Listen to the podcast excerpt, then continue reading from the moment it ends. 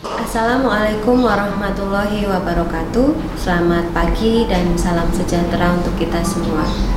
Mahasiswa semester 6 eh, yang akan melakukan praktikum konseling individual dengan pendekatan konseling behavior perlu mereview kembali tentang pendekatan behavior yang sudah kita pelajari di semester sebelumnya. Uh, seperti yang kita ketahui bersama bahwa tokoh-tokoh behavior seperti J.P. Watson, kemudian Ivan Pavlov, Skinner e, merupakan tokoh yang akhirnya melahirkan pendekatan behavior. Watson dengan tingkah laku sebagai hasil belajar, kemudian Ivan Pavlov dengan teori pengkondisian klasik dan Skinner tentang operant conditioning. Mari kita bahas sedikit tentang perbedaan operant conditioning dengan classical conditioning. Melalui contoh sebagai berikut, Rika sering datang terlambat, kemudian ibunya tidak bisa mendorong Rika untuk siap lebih cepat setiap harinya. Akhirnya ibu mempersiapkan hadiah dengan menyatakan kalau Rika siap tepat jam 6.30, maka Rika akan mendapatkan boneka cantik setiap Rika siap jam 6.30, ibu memberikan boneka cantik. Itu dilakukan beberapa kali sampai terbentuk. Kelemahannya adalah jika boneka dihilangkan, kemungkinan perilaku terlambat akan kembali muncul. Perilaku yang muncul semata-mata karena hadiah itu disebut prinsip classical conditioning. Bila menggunakan operant conditioning, reinforcement yang diberikan pada saat anak benar-benar secara mandiri berperilaku yang diharapkan. Perilaku cenderung menetap karena kesadaran muncul dari dalam diri sendiri itu sekelumit e, perbedaannya.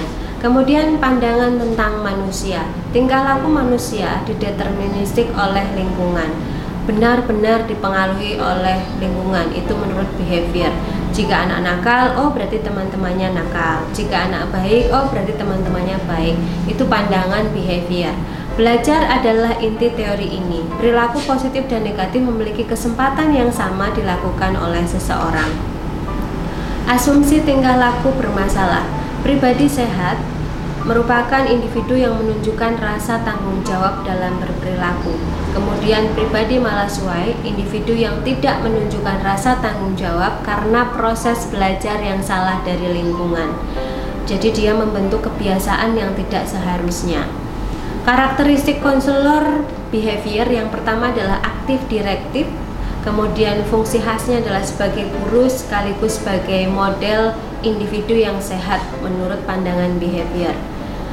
Adapun tahapan tahapan konseling menjadi hal yang sangat penting di dalam praktikum konseling individual. Yang pertama adalah assessment. Di dalam assessment itu ada tiga hal yang perlu dikembangkan yaitu ABC. ABC di sini berbeda dengan teori uh, rasional emotif behavior therapy ya.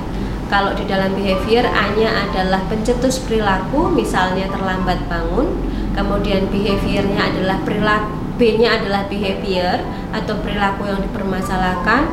Misalnya yang kita bahas adalah tipe tingkah lakunya, frekuensi tingkah lakunya, durasi tingkah lakunya, intensitas tingkah lakunya.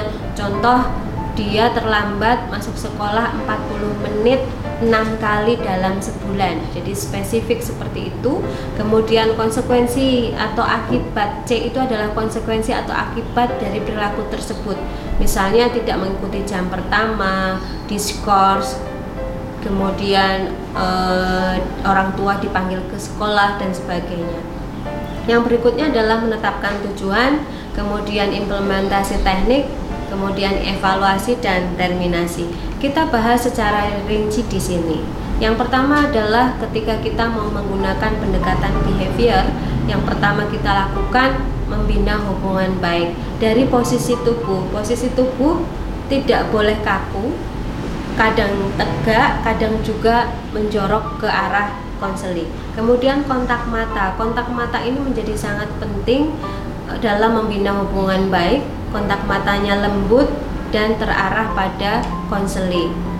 Kemudian yang kedua adalah mendengarkan. Mendengarkan ini keterampilan mendengaran mendengarkan ini kelihatannya mudah tetapi sulit untuk e, diaplikasikan. Oleh karena itu perlu belajar e, mendengarkan di sini tidak hanya mendengarkan suara saja tetapi juga mendengarkan bahasa tubuh konselingnya. Kemudian intonasi suara, jangan sampai intonasi suara kita membuat konseli tidak nyaman. Yang berikutnya adalah tahap identifikasi dan eksplorasi masalah.